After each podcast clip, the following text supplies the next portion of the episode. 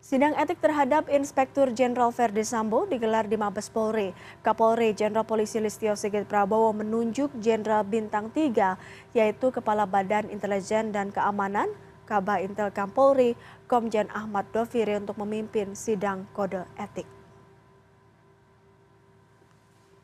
Penunjukan Komjen Ahmad Doviri sebagai Kabah Intelkam menggantikan Paulus Waterpau tertuang dalam surat telegram Kapolri nomor ST garis miring 2278 garis miring garis miring 10 garis miring kep garis miring 2021 tertanggal 31 Oktober 2021.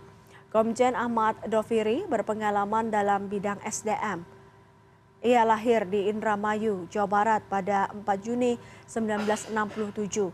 Lulusan terbaik Akademi Kepolisian tahun 1989 lulusan Perguruan Tinggi Ilmu Kepolisian atau PTIK, kemudian Sespim Pol Lembang, dan Lemhanas.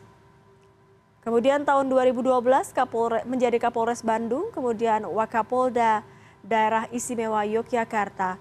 Disusul ia menjadi Kapolda Banten dan Kapolda DIY.